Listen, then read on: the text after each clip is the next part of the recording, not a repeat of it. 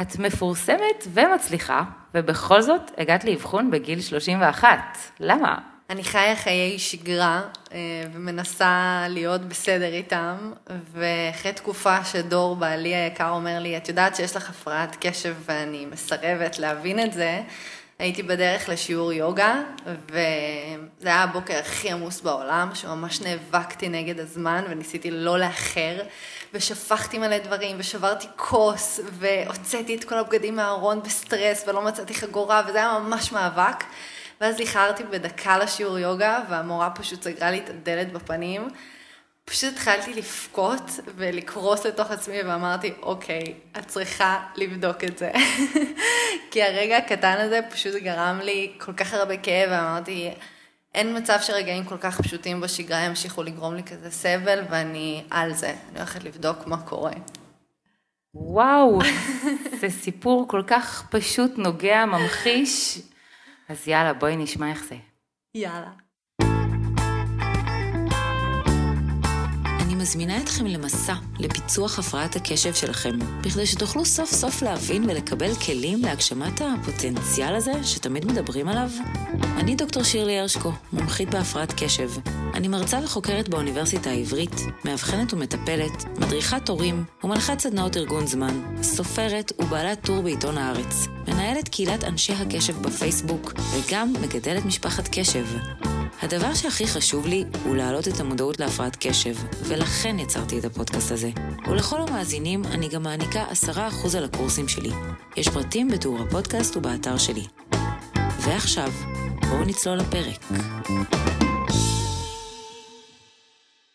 ברוכים הבאים לפודקאסט של אנשי הקשב, בו נותנים מקום של כבוד להפרעת קשב ואת כל המידע המדויק והכלים שיכולים לעזור. וכשאנחנו מסתכלים על ספורטאים ומפורסמים ואנשי תקשורת או אנשי עסקים, אז תמיד נראה שהכל טוב ומוצלח שם, ואיך זה יכול להיות שיש למישהו מהם הפרעת קשב, היא הרי אמורה להפריע, אז איך הם עשו את זה? אבל מה שרואים מכאן לא רואים משם, דווקא רבים מהם אנשי קשב, וזה בזכות כל התכונות החיוביות בהפרעת קשב, היצירתיות, המקוריות, החשיבה מחוץ לקופסה, הדמיון, הדינמיות, האמביציה הזו לעשות את מה שהם אוהבים. אבל זה לא אומר שאין קושי. ועל כך בדיוק נדבר היום עם אלינה לוי פרי, שהיא שחקנית, יוצרת ומלווה תהליכים. אז שלום אלינה ותודה שהגעת. יואו, איזה כיף לי להיות כאן איתך. גם באמת. לי ממש, ואני בטוחה שגם המאזינים שלנו שומעים את זה. ואני חושבת שזה באמת אה, פרק אה, מאוד מאוד חשוב ומעורר השראה. ואני רוצה להתחיל אבל ממש אה, מההתחלה, מההתחלה, מההתחלה, בילדות שלך, עם ההפרעת קשב, קיבלה שם איזשהו מקום, איזושהי התייחסות בבית שגדלת בו? אז התשובה היא חד משמעית לא. אני גדלתי בבית סובייטי לחלוטין.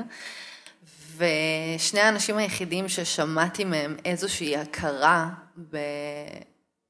בעובדה שיש לי הפרעת קשב, זה דור, בן זוגי, כפי שציינתי גם בתחילת הפרק הזה, ואת.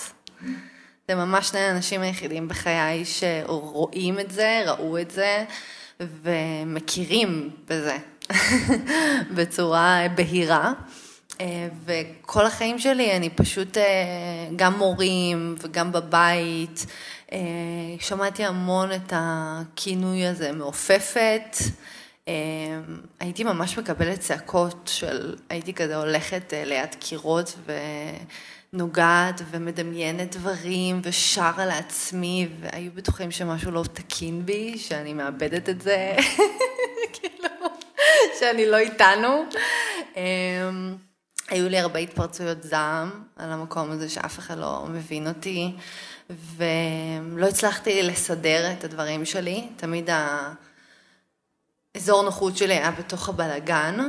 אמ, הייתי כותבת המון, מדברת המון עם אלוהים, והייתי סובלת בטירוף ממיגרנות, שאת הראשונה שאמרת לי שיש לזה קשר אה, להפרעות קשב, אבל בעצם עשו לי שלוש בדיקות CT, והיו בטוחים שיש לי משהו במוח, כי הייתי צורחת בתור ילדה מבכי, אה, ופשוט אף אחד לא הבין מה זה. וזה בא לידי ביטוי ב- ב- באמת היום, אני מבינה, בכל רובד בחיים שלי, אם זה בהתנהלות אה, בבית, אה, בסדר, באוכל, בלימודים. אה, הייתי כל הזמן שוכחת משהו מבחינת מחברות, שיעורי בית, כל הזמן מקבלת אה, מכתבים במחברת. זה תמיד מבאס אותי לשמוע את, ה, את הפספוס הזה ואת ה... באמת תחושה הזו שאף אחד אה, לא מבין, לא יודע, ואז גם הילד עצמו מתחיל להרגיש שהוא לא בסדר, כי אף אחד לא אומר לו מה, מה קורה ומה נכון. מסביר את זה, גם באמת עם המיגרנות וגם עם כל שאר הדברים, וזה כל כך אה, חבל, אבל, אה, אבל טוב שהגעת היום. וואו, מה זה טוב, הצלה. ובאמת, מה, מה הרגשת היום בגיל הבוגר שעשה לך את הדחיפה הזאת? כי בכל זאת אה, זה לא רק שדור אמר, אלא את הלכת ועשית את זה. נכון. הרגשתי שאני פשוט לא מצליחה להיות בן אדם בוגר. זאת ממש ההגדרה. הגדרה טובה. כן, אמ, בשגרה שלי, ב... לסדר את הבית, ב... לבשל לעצמי אוכל, אני פשוט מעדיפה לא לאכול או לתקוע קרקר עם משהו ופשוט לסגור את הפינה הזאת, כי אם מישהו מדבר אליי או מנסה ליצור איתי קשר בזמן שאני במטבח, זה כזה פשוט קריסת מערכות לא פרופורציונלית לחיים, אני בסך הכל מנסה להכין חביתה והעולם קורס. כאילו לא. ו...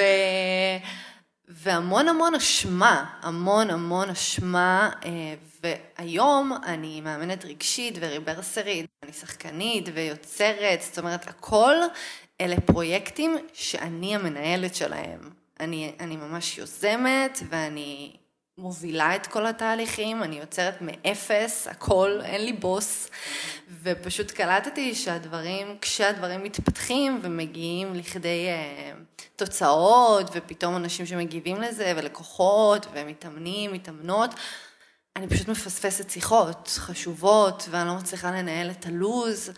ואני כזה משגעת מטופלות, משנה להם זמנים, כי אני קולטת שעשיתי מלא התנגשויות בלוז, והמון דברים שחשובים לי פשוט התחילו להתפספס ולקרוס, והרגשתי שאני פשוט אה, כנראה אישה כושלת, ממש ככה, כאילו, ממש היה לי גם חשש במקום הזה שהוא עד היום איתי, זה לא עבר לגמרי, אבל אה, חשש להביא ילדים לעולם, של אם אני שוכחת דברים הכי בסיסיים בשגרה שלי, אז איך אני אדאג לפעוט שצריך את כל תשומת הלב שלי, ואיך אני גם אצליח לחיות תוך כדי את החיים שלי.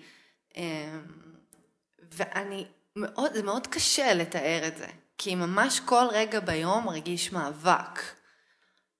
אה, ממש כל דבר הכי פשוט בעולם, וניקיון של בית בכלל, זה כאילו אני לדוגמה מתחילה אה, לשטוף כלים, ואז אני רואה צמח יבש, אז אני הולכת להשקות אותו, כי הוא עכשיו יבש והוא מסכן והוא קורא לי, ואז אני פתאום הולכת לאמבטיה למלא מים, ואני רואה עובש, אז אני אומרת, אה, צריך לשים על זה אקונומיקה, אז אני הולכת לקחת אקונומיקה, ואני רואה שם מגבות לא מסודרות, אז כאילו, והכל כזה, מדבר לדבר, מדבר לדבר, ואז אני קולטת שבכלל הייתי צריכה לענות למטופלת, ופספסתי מלא מלא פספוסים כאלה, ונפילות בין הכיסאות, ו... היי, אני בת 31, ואני רוצה לנהל את החיים שלי, אני באמת רוצה. אז אמרתי, אני באה לבדוק את זה, כי אם יש משהו שיכול לעזור לי, אז למה לא? וואו, בול. ואיך, אז איך באמת היה לעבור את האבחון, להגיע, לעשות אותו, זה תהליך רגשי בפני עצמו. נכון. אני זוכרת שישבתי פה בפעם הראשונה מולך, ותיארתי את הדברים, וראיתי ממך מבט של הבנה. וזה לא משהו שאני מכירה. וזה שחרר כל כך הרבה כאב, ועוד פה הייתי מאופקת. כאילו, כל הדרך הביתה ממש השתחרר ממני הרבה כאב, והוא משתחרר עד היום, כי זו תחושה מאוד אה, קשה להרגיש שאתה פגום, ולהאמין שאתה פגום, ולהיאבק ב- בלחיות את החיים שלך. ולא לוותר על החלומות שלך, כי זה דבר אה, ש- שיותר קל לעשות. אה, כשאתה מרגיש שהדברים הכי פשוטים הם מאבק בשבילך. אז אה, זה בעיקר פתאום הכרה במה שעברתי, שגם ההיכרות שלי עם העולם הטיפולי, רגשי, יש בזה המון, זה מאפשר החלמה. וזה מאפשר, אה, לפני אה, שהתחלנו את הפודקאסט, אמרת התהליך הבריא של אבל, השתמשת במושג הזה, ואני באמת מרגישה שאני מתאבלת על החלקים האלה, שהרגשתי כל כך הרבה בדידות עם הדבר הזה, כל כך הרבה שנים, ו, וגם פשוט האמנתי, באמת האמנתי בצורה מוחלטת שמשהו ב, ביצור, אני ה... המוצר שיצא עם איזה פגם לא, לא ניתן אה, לתיקון. ו... אז כרגע בעיקר זה מה שאני חווה. אה, גם דור, בן הזוג שלי, הגיע אלייך לאבחון, ואחרי אה, שהוא היה בדרך חזרה הביתה, הוא אמר לי, בואנה, נכון אצלך בגרפים היה ממש שינוי אחרי האבחון? אמרתי לו, כן. הוא אמר לי, אני פתאום מבין כמה את סובלת. ופשוט לא עניתי לו, כאילו איזה, לא יודעת, איזה דקה וחצי, והוא אמר לי, אלינה, את פה. פשוט נחנקתי מבכי, כי כאילו, פתאום מישהו הבין. וזה קשה, זה קשה שכאילו לא, ש, שקשה להסביר את זה גם במילים. אז אה, זה שחרר אותי ממש, וזה הרבה פחות אשמה והבנה ש... וואו, אני בסדר. אה, פשוט עם משהו קצת שונה, אבל בסדר. וואו. זה, יואו, באמת זה כל כך מרגש לשמוע, כי באמת גם את הקשב עצמו לא רואים, אבל גם את, ש, שמסתכלים עלייך מהצד, כמו שאמרתי מקודם, את נראית הכי מוצלחת ו, וחכמה ומדהימה, ואף אחד לא מתאר לעצמו מה את מרגישה מבפנים. וזה, אני יודעת שזה לא עוזר, זה לא עוזר שכולם רואים אותך ככה, כי בסוף זה, זה מה שאת מרגישה, ו, וזה אפילו עוד יותר גורם להרגיש את הפערים של, ש, שלא מסבירים את, ה, את הדבר הזה, וזו תחושה כזאת באמת של תסכול, וזה שלא מבינים, אז גם דיברנו על זה קצת לפני ההקלטה, ש, שאנשים לא מבינים, אנשים שאין להם הפרעת קשב לא מבינים. מה זה הפרעת קשב, נכון. ויש את כל האמירות המעצבנות של, טוב, מה, אז נו, לכולם יש, או גם לי יש, או אה, אז מה זה אומר, אז מה זה התירוץ שלך, וכל מיני דברים כאלה שזה כל כך, אה, זה גם מעצבן וזה גם פוגע. כי החלק באמת הכי משמעותי בהפרעת קשב זה, זה כמו שאמרת, ההכרה הזאתי, אתה רוצה גם את ההכרה מהסביבה, אבל אתה לא, לא תמיד מגלה, אמנם לך באמת יש מזל שיש לך את אה, דור ש, שגם הוא משלנו, נכון, נכון. הוא מבין את זה, אבל אה, איך את באמת מרגישה עם היחס של הסביבה וגם המשפחה שלך לגבי זה? כשסיפרתי את זה לאחי הקטן, אה, הוא גם הרגיש ממש הקלה והוא שמע את הפודקאסטים שלך ברצף, את כולם. פשוט אה, זה היה כמו לתת מים לבן אדם במדבר. כי גם הוא פתאום הבין שהוא בתור ילד הוא היה נעלם משיעורים והולך להסתובב בגינות. עד שהבית ספר התקשר לאימא שלי להגיד לה את זה, אבל הוא ממש לא רוצה להיות שם, ויש לו קושי להישאר ב... אותו מקום, וממש כל הסממנים, אז מאוד שמחתי לשתף אותו מהבחינה הזאתי. אמ, ויש איזה, יש איזו תחושה שבאמת אה, העולם בחוץ כרגע לא מבין את זה, בעיקר בגלל הקלות שבה משתמשים במושג הזה. והמשפט הזה, לכולם יש הפרעת קשב, לא, אנחנו פשוט חיים במציאות מאוד דינמית, שגם כל מטרתה, כל העולם הפרסומי, אה, מטרתו לקחת לנו את תשומת הלב, והרבה פעמים הם מצליחים, אבל זה שעוברת לך תשומת הלב זה לא אומר הפרעת קשב. אה, ו... אז מהבחינה הזאת אני קצת מתחילה לוותר על זה שכולם יבינו, וזה משהו די מוכר מהחיים שלי, שפשוט הכי חשוב שאתה תכיר בזה, ואתה תיתן לעצמך את המרחב לזה, ואתה תכבד את זה, וברגע ש... איך שאנחנו מתייחסים לעצמנו, בסופו של דבר גם הסביבה מתייחסת אלינו, זה הכל שיקופים.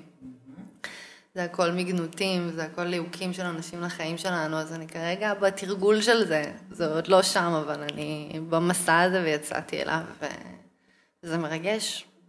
יואו, זה סופר מרגש ומסר באמת חשוב, כי באמת אנחנו יכולים להסביר המון לסביבה, וזה גם לוקח זמן, ולא תמיד מבינים, ו- ויש הרבה סטיגמות גם, אה, לצערי, נכון. בנושא של הפרעת קשב והטיפול בה, ואפשר להמשיך ו- ולהסביר ולהעלות את המודעות, זה גם חשוב, בגלל זה גם באמת אני עושה כל מה שאני עושה, אבל יש גם מקום, כמו שאמרת, שצריך אה, אה, קודם כל להשלים עם עצמך ולוותר על, על המלחמה הזו ש, של להסביר מה זה הפרעת קשב.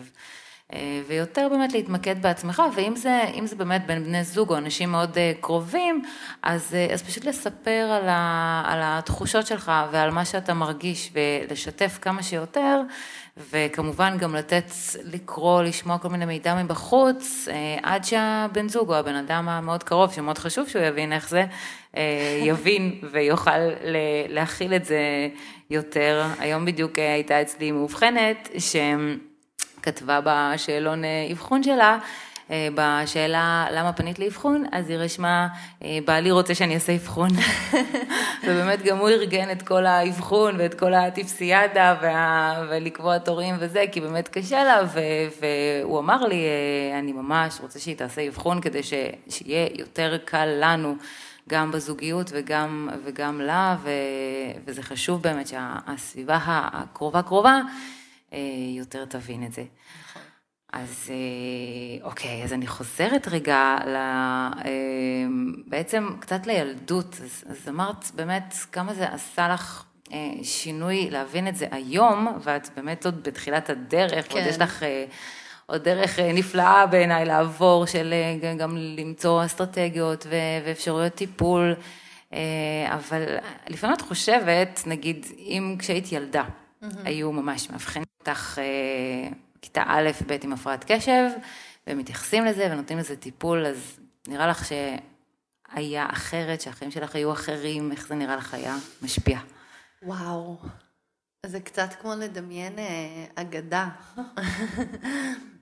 כי זה באמת אה, נשמע כמו חיים אחרים פשוט. אני את רוב שנות חיי העברתי, העברתי בלהיאבק שלא יראו מי אני באמת. ובלפצות ובלמצוא אסטרטגיות אה, איך אני מצליחה להיות מישהו אחר. וזה דבר מאוד מאוד מאוד מתיש. אה, אם זה מאז שהייתי אה, קטנה, אז אימא שלי במזל רשמה אותי לאקדמיה למחול, ואז פשוט אחרי בית ספר הייתי רצה פיזית לאקדמיה כדי לרקוד שמה. ואז התירוץ שלי בבית ספר היה, אוקיי, אני רקדנית וזה מה שמעניין אותי, ופשוט את הימים בבית הספר הייתי מעבירה עם הראש למטה, על השולחן, בין הידיים, שהיו מדברים עליי, הייתי אומרת, אני לא מרגישה טוב, ואז רצה לאקדמיה, וככה העברתי את הילדות שלי, לא בבית ולא בלימודים, פשוט רוקדת, וזה הציל אותי. ואני חושבת שאם היו מכירים בזה ומתייחסים לזה, אז זה בעיקר היה משנה את חוויית הקיום שלי, את החוויה של אמ, תחושת הביטחון הקיומי בעולם, כי הקדשתי את רוב השנים הבוגרות שלי לשקם. את הביטחון העצמי שלי, את הערך העצמי שלי. מצד שני, זה גם, אלה המתנות שקיבלתי. זאת אומרת, זה היה הבית ספר הכי מדויק להתפתחות שלי, כי עכשיו, בגלל התהליכים שעברתי, אני גם יכולה להעביר את המתנות האלה הלאה, ולראות אנשים בכל מצבי הרגש שלהם, ולהיות שם בן אדם שאני הייתי רוצה שיהיו עבורי. אמ, אז, אז זה מדהים, אבל... אמ, כן, זה לגמרי משנה חיים. כאילו היום נגיד שאני שומעת את הפודקאסטים שלך על איך, שאת, אה, איך שאתם בעצם מגדלים את הילדות, נכון? בנות. אז אה, זה מרגש לשמוע, זה מרגש. זה היה את הסיפור שנלחמת על האבחון, ושמעתי את זה ואמרתי, וואו, אוקיי, זאת ילדה שהנשמה שלה בחרה יפה את ההורים שלה, כי זה דבר שהוא בשבילי נדיר לשמוע. זה דבר שהוא היה לא קיים, ש, שרואים את הקושי של ילד כ, כ, כחוזקה שלו וכמתנה פוטנציאלית שלו, ואוקיי, בוא נראה מה עושים עם הייחוד שלך, ואיך מביאים אותו לאור, ולא מנסים להפוך אותו לעוד כלי בפס ייצור ההמוני של האנושות. וואו, ממש, יו, את כל כך אה, מרגשת בתיאורים ובכנות שלך, שזה גם מתנה מהפרעת קשב, ואגב האינטליגנציה... יש. כן, יש, הנה עוד מתנה. האינטליגנציה הרגשית הגבוהה והרגישות והראייה של האחר, זה דברים שממש מחקרית נמצאו כיותר מאפיינים, אה, במיוחד בנות ADD. אז בעצם דיברנו על, אה, על מה יכול להיות שונה בילדות, ובבגרות בעצם בחרת אה, מקצוע שהוא, שהוא השתלב עם זה, זאת אומרת, א', כל הנושא של הריקוד הוא גם אה, קשור ספורט, מאוד מפריש דופמין, אז הרבה פעמים נמשכים לספורט ולהמון שעות של ספורט mm-hmm. כדי לעשות את הסלף מדיקיישן הזה של, ה, של הדופמין, אז, אז זה לא מפתיע. אה, ואחר כך באמת, אה, באמת ראית איך בדברים שמעניינים אותך, תחומים שמעניינים אותך והם גם אה, דינמיים ויצירתיים, את, את מאוד מאוד מצליחה בהם. אז אולי באמת נדבר גם על כל המקומות הטובים שהביאה לך הפרעת הקשב כן. במקצוע שלך ובחיים. כן. זהו, זה מצחיק, כי פעם ראשונה ש... אני מדברת על זה ויש הבנה, אז יש כזה איזה רצון פשוט לפרוק את הכל בבת אחת, וזה נורא מרגש. אה, אז באמת, אה, זה היה לי מקרה נורא מצחיק עם הלימודים, שבהקשר לאימפולסיביות בהפרעת קשב, שכשהייתי בת 21, אה, הלכתי ונרשמתי ללימודי פסיכולוגיה במכללת רמת גן. נרשמתי, שילמתי, שילמתי את הכסף. ואז ישבתי בפייסבוק והתכתבתי עם חברה על כמה שאני אוהבת uh, לשחק וזה, והיא פשוט אמרה לי, למה את הולכת ללמוד פסיכולוגיה? ואמרתי לה, וואי, נכון. פשוט יום למחרת הלכתי לאודישנים ביורם לוינשטיין, התקבלתי, פשוט הלכתי ללמוד ביורם לוינשטיין, כאילו, כל הכסף נשאר במכללת רמת גן, כאילו אפילו לא היה לי כוח לבדוק מה קורה עם זה ולבטל הרשמה. נכנסתי ללימודים ביורם לוינשטיין, שבאמת, אנשים לא עושים את זה, שחקנים לא הולכים להיבחן רק לבית ספר למשחק אחד, נבחנים לכולם, כי זה כאילו כזה טקסי וזה קשה. באתי אמרתי, זה המקום בשבילי, בום, התקבלתי, התחלתי בבת אחת, בלי שום תכנון. אה, ובלימודי משחק זה באמת היה לי מאוד, אה, מאוד נעים, כי כל שיעור הוא נראה אחרת. ואת כל הזמן על הרגליים, את כל הזמן ביצירה. אה, כשאת קוראת תוכן, אז את קוראת אותו מתוך אה, לעשות דמות. אה, את קוראת מחזה, את קוראת, ואת גם צריכה למצוא את החיבור הרגשי שלך לזה, כי אחרת איך תשחקי את הדמות. אז את ישר מוצאת איזה לינק לחיבור האישי שלך. כן היה לי שם מאבק עם האיחורים, כי אם את מאחרת שמונה פעמים ביום לוינשטיין, אז מסלקים אותך מבית הספר. כן. וכן, זה... יש שם ממש אה, משמעת. אז אה, הרבה פעמים פרטנרים אה, לחזרות ממש כעסו עליי, והיה כזה דיבור עליי, שאני לא מקצועית. לא אחראית. כן, לא אחראית. והיו ממש אנשים שישבתי להם על הווריד, שכאילו ממש ממש שנאו אותי, אבל אין מה לעשות, ככה זה גם בבית ספר למשחק. ותמיד נאבקתי, נאבקתי עם הזמן, ובקושי ישנתי כזה. אה, באותה תקופה שמעתי את הפודקאסט שלך על אה, התמכרויות. אז פשוט הייתי יוצאת ליום לימודים, ויודעת שבסוף היום יחכו לי שלושה חצאי בירה, ליטר וחצי בירה כל ערב, זה ממש היה התמיכה שלי באותה תקופה, לא ממליצה, אבל... היום ברור שהתאזנו, התאזנתי, תראה, אני מדברת על עצמי כבר ברבים, אני והישויות שלי, ו... וכן, זו הייתה תקופה של פשוט כל הזמן הייתי מרותקת. למשהו, לדמות חדשה, לשיעור חדש, את גם כל הזמן, תשמעי, הכמות מטלות שאת צריכה להביא, להרים סצנות, אה, לכתוב דברים, לכתוב מונולוגים, הייתי פשוט, זה היה מדהים, כי הייתי מקפצת מנושא לנושא, משיעור לשיעור, וזה היה לי מדהים. אם כאילו אנשים היו נלחצים מלהגיש מטלות בתקופה קצרה, אני הייתי פשוט מתקתקת את זה, כי זה פתאום אה, פשוט היה לי מדהים. וגם אני עד היום, אם את אומרת לי שנשארתי שלוש וחצי שנים באותו באותה מסגרת, אני כזה אגיד לך, נה, מי זאת? אבל כן, זה, זה קרה. כן היו שלבים של מאבק, אבל uh, תמיד ידעתי ש, שזה הייעוד שלי, ואני אסיים את זה, וזה תמיד מחזיק אותי. מתי שזה משהו מהנשמה, אז אני נשארת, גם כשיש אתגרים.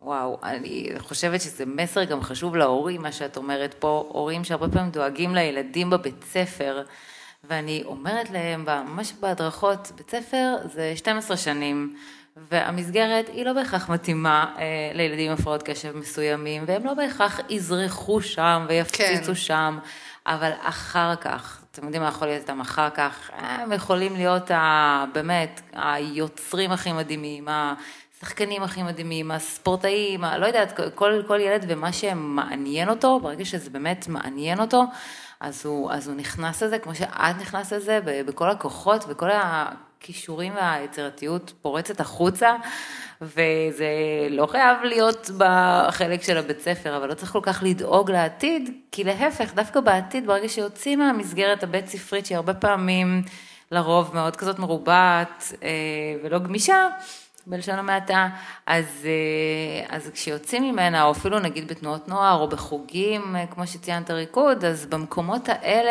הילד יכול לפרוח, אז לא להשקיע רק בקשיים. זאת אומרת, יש הרבה הורים, ובצדק, ואני אני מבינה אותם, שהם מאוד כזה משקיעים בטיפול, והוראה מתקנת, וריפוי בעיסוק, מה, איך אפשר לעזור, ו, ו, ופחות בחוזקות, אז גם מאוד חשוב להשקיע במקומות האלה גם בדיוק כדי להעלות את הערך העצמי והדימוי העצמי שהם אה, קריטיים, נכון. במקום אחר כך אה, לשלם בהרבה מאוד שנים באמת בניסיון אה, להעלות אותם חזרה. אני יכלתי לקנות בית, מכל הכסף שלח לי על טיפולים רגשיים, אבל זה מה שהייתי צריכה. ועוד נקודה על הדבר המדהים שאת מעלה, זה שהם... מהצד של המטפלת הרגשית, אחד הדברים הכי מאתגרים למתאמנים ומתאמנות זה למצוא את הייעוד שלהם, זה להבין מה הם באמת רוצים. ויש משהו באנשים עם הפרעת קשב שהם פשוט לא מסוגלים לעשות משהו שהם לא מחוברים אליו, ומה שקראתי אצלך כמובן, שזה מזקק משהו. זה כאילו פשוט משאיר אותך במקום שזאת האמת שלך. ואם זאת לא האמת שלך, אז פשוט כל המנגנונים אומרים לך, זה לא המקום שלך, זה לא המקום, צועקים עליך ללכת. אז גם אפשר להסתכל על זה ככה. אמ, נכון, אני רואה שהנה, התחלת כבר להסתכל על הדברים הטובים, זה מעולה. אני מנסה, כן, זה, זה, זה קורה לי בהשראתך עכשיו. איזה יופי, לגמרי, את ממש צודקת, ו, וזה כל כך נכון, וגם במקומות האלה, שבאמת כל כך ברור הייעוד, ומה אני אוהב לעשות ומה אני רוצה, אה, לפעמים יש מין עצירה כזו ומחשבה, רגע, אבל אני, אני לא יודע להתארגן ואני לא זה, אז אני גם, אני תמיד אומרת, אם יש את הדבר הזה שהוא הפשן שלך, אז אה, אפשר ללמוד להתארגן, אפשר, באמת, יש, אה, יש אנשי מקצוע, יש אסטרטגיות, יש קורסים שיכולים ללמוד, ללמד את העניין הזה, ולא צריך לוותר על, ה, על החלום, על הדבר הזה שאתה אה, כל כך רוצה, כי זה פשוט, זה הכוח, זה, זה האמביציה ש, שתוביל אותך שם, ממש. נכון. אז מעולם העבודה, אני רוצה לקפוץ לעולם הזוגיות והאהבה. ובאמת אה, אה, דור, שניסית לו לא מזמן, וגם נכון. אה, לי לשמחתי יצא לאבחן אותו ולראות באמת איזה קשר מדהים ואהבה והבנה יש ביניכם, שאגב, זה עוד נקודה שבזוגיות, שרוב אנשי הקשב הם, הם דווקא נמשכים לאנשי קשב אחרים, ולרוב mm. יש זוגיות כאלה.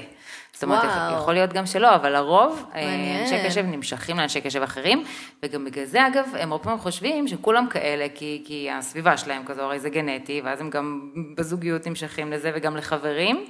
אז אה, זה משהו ש, שקורה הרבה פעמים, ויש בו משהו באמת מקל, כי אפשר להבין את שני הצדדים, אבל יש גם אתגרים, אה, אולי תשתפי אותנו קצת בהם כדי שנרגיש נורמליים. וואו, ברור. ברור, יש לנו אתגרים. אה, אחד הדברים אה, שבאמת אה, הובילו אותנו לדבר על זה, זה שכל כך הרבה פעמים עשינו בינינו שיחות של די, די, דור, די, אלינה, די, הבית שלנו יפה, בוא נתחיל לשמור עליו. די, למה אנחנו זה? פשוט נחזיר דברים בסוף הארוחה, פשוט נחזיר. ואז יום למחרת אנחנו קמים והכל כאילו בסלון, במדבר, למה, למה אנחנו כאלה? והבית שלנו נראה באמת כל כך הרבה פעמים כמו ילדים בני 16 שמנהלים בית. אה, וגם בדברים שהם מעבר, בשיחות לדוגמה, הרבה פעמים דור שואל אותי שאלה, ואז הוא שואל אותי אותה שוב, ואני אומרת לו, אבל עניתי לך, מה? כאילו, הרגע עניתי לך, הוא אומר לי, אלינה, לא ענית לי. ואז נוצר איזה קשר, וגם אחרי שהוא חזר מהאבחון שלך, אז הבנו שההפרעה שלנו מתבטאת בצורה אחרת, שבעצם הוא, כשהקשב, כשהקשב שלו נתפס, אז הוא חייב למקד את זה באותו רגע ולסיים עם זה, ואצלי זה מתפזר. אז כששאלתי אותו משהו ואני לא עונה לו, זה עינוי בשבילו. וזה שהוא אומר לי, אלינה, מה? זה עינוי בשבילי. אז יש פה איזה קונפליקט שממש אה, מתפוצץ כזה הרבה פעמים, אבל, אבל אנחנו דואגים לתקשר את זה כל הזמן ולדבר על זה, ויש, יש הרבה פעמים ש... ש... שיש אי הבנות, אי הבנות שגם גורמות תסכול אה, וגורמות, אה, עושות תחושה לפעמים ש... לא הקשבתי לו, לא ראיתי אותו, לא שמתי לב, דברים שהוא סיפר לי ולא זכרתי. ואז זה נורא, אני נורא נעלבת בשבילו, כי הוא כל כך שם לב לדברים שאני מספרת, ואז אני גם מרגישה בת זוג גרועה. אה, מלא כאלה, שזה פשוט ביום-יום, הרגעים הקטנים שבסוף עושים את ההתפוצצות אחרי 15 שנים, שאומרים, את אמרת שתחזירי את המספריים למגירה ואתה אף פעם לא החזרת. זה כזה כאילו, שזה פתאום יוצא אחרי 15 שנים, אז אנחנו מנסים שזה לא יצא אחרי 15, שזה יצא באותו רגע. והתחלנו גם ממש לתרגל להגיד באותו רגע, נגיד... עכשיו בגלל שיש מטופלות שמגיעות אליי הביתה, אז אני כל בוקר יש לי מסדר ניקיון. כי הקליניקה היא בבית. ו... ואז פתאום בערב שהבית עוד פעם בתנועה ועוד פעם חיים בו והדברים משתנים, ופשוט בימים האחרונים אני באה לדור ואני אומרת לו, דור, אה, יש לי קצת חרדה כי אני סידרתי בבוקר ועכשיו הכל מבולגן שוב, אה, ומחר בבוקר אני יודעת שאני, ממש יהיה לי קשה, ו... מה אתה אומר? הוא בא אליי ואומר לי, נסדר ביחד, בסדר? כאילו ממש טיפולי, ממש כאילו הכל הופך להיות שיח על כל ניואנס. אה, שזה יכול להיראות מהצד משונה, מצד שני אני באמת חושבת שזה הדבר הכי בריא שיכול לקרות בינינו כרגע, במקום שנתפוצץ ונאגור. אה, אז זאת גם המתנה בתוך זה. שאנחנו ממש חייבים לתקשר אחד את השנייה בצורה עמוקה, וכל אחד אחראי לתקשר את עצמו, אה, אחרת זה בקלות יכול להגיע לקונפליקט ולאי הבנה ולפערים רגשיים נורא קשים, מעבר למטלות רגשיות. כן, זה באמת שני היבטים, זה גם ההיבט הטכני הזה של הסדר וארגון אה, והשתלטות על אה, כל הדברים וכל ההנהלות, מה שנקרא, של הבית. אבל זה גם באמת הרגשות, גם יש אה, קשיי ויסות אה, רגשי. נכון, וואו וואו. כן, שכאילו זה מאוד קשה לתקשר אותם, את הרגעים האלה שדור נבהל וחושב שזה בגללו, אבל זה לא בגללו, זאת, זה, זה, זאת אני. ונגיד הרבה פעמים דור קם מאוד uh, מאוחר, מה זה מאוד? הוא קם כאילו כשהוא קם, ואף פעם כאילו לא הייתה לי עם זה בעיה, כי מהרגע הראשון הוא גם תקשר את זה מולי, וזה לא עניין שלי, זה, זה הגוף שלו, ומה שעושה לו טוב, וגם הוא פרילנסר, אז הוא עובד בשעות הלילה, וזה אף פעם לא היה נראה לי משונה.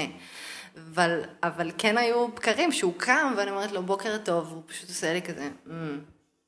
וכאילו, או שנגיד אני מתחילה לדבר איתו, והוא פשוט לא עונה לי, וזה קשה רגשית. להבין את זה, שכאילו, למה אתה מתעלם ממני? אבל זה לא, it's not about me ברגע הזה, זה התמודדות שלו. והאבחון מאוד עזר לנו בלראות אחד את השנייה בדבר הזה שלדוגמה אנחנו עכשיו הולכים לטוס לחו"ל ביחד ולא, אנחנו, אני לא אבקש מדור לקום מוקדם כי אני יודעת שזה עינוי בשביל הגוף שלו אז הוא יקום כשהוא יקום ונהנה מהיום כשהוא בטוב ולא במרדף נגד הזמן שהגוף שלו בקריסה. וואו, יואו, זה כל כך, אה, וואי, זה באמת, לא יכולתי לנסח את זה יותר טוב, את העניין הזה של באמת אה, להכיר אה, בבן אדם השני, ובאמת האבחון, הוא גם גורם כל כך להבין את הבן אדם יותר טוב. יש לך שם, יש לך מאפיינים, ובאמת אצל, יש אנשי קשב שיש להם קושי מאוד מאוד גדול בבוקר, בהתארגנות, בקימה. אה, בלהתניע, ושלא נדבר על בעיות השינה, שזה פודקאסט אחר שלם שעשיתי, שההירדמות המאוחרת, וזה גם כן. פיזיולוגי, עם המלטונין שמופרש מאוחר, ו... אה, ואז גם הבוקר הוא יותר מתאחר, וזה באמת משהו שהוא פיזיולוגי ו- ומאפיין אה, חלק ניכר מאנשי הקשב, וברגע שאתה יודע שזה זה, וזה לא שלבן אדם לא אכפת, או שהוא לא מתאמץ, אוקיי, okay, אז uh, מנושא הזוגיות, אני רוצה ככה, הזמן שלנו פשוט טס, זה לא ייאמן. וואי, ממש טס, אה? ואני פתאום רואה שאנחנו לקראת סיום. אז uh, בואי נסכם עם שתי שאלות שחשבתי לשאול אותך לסיכום. Okay.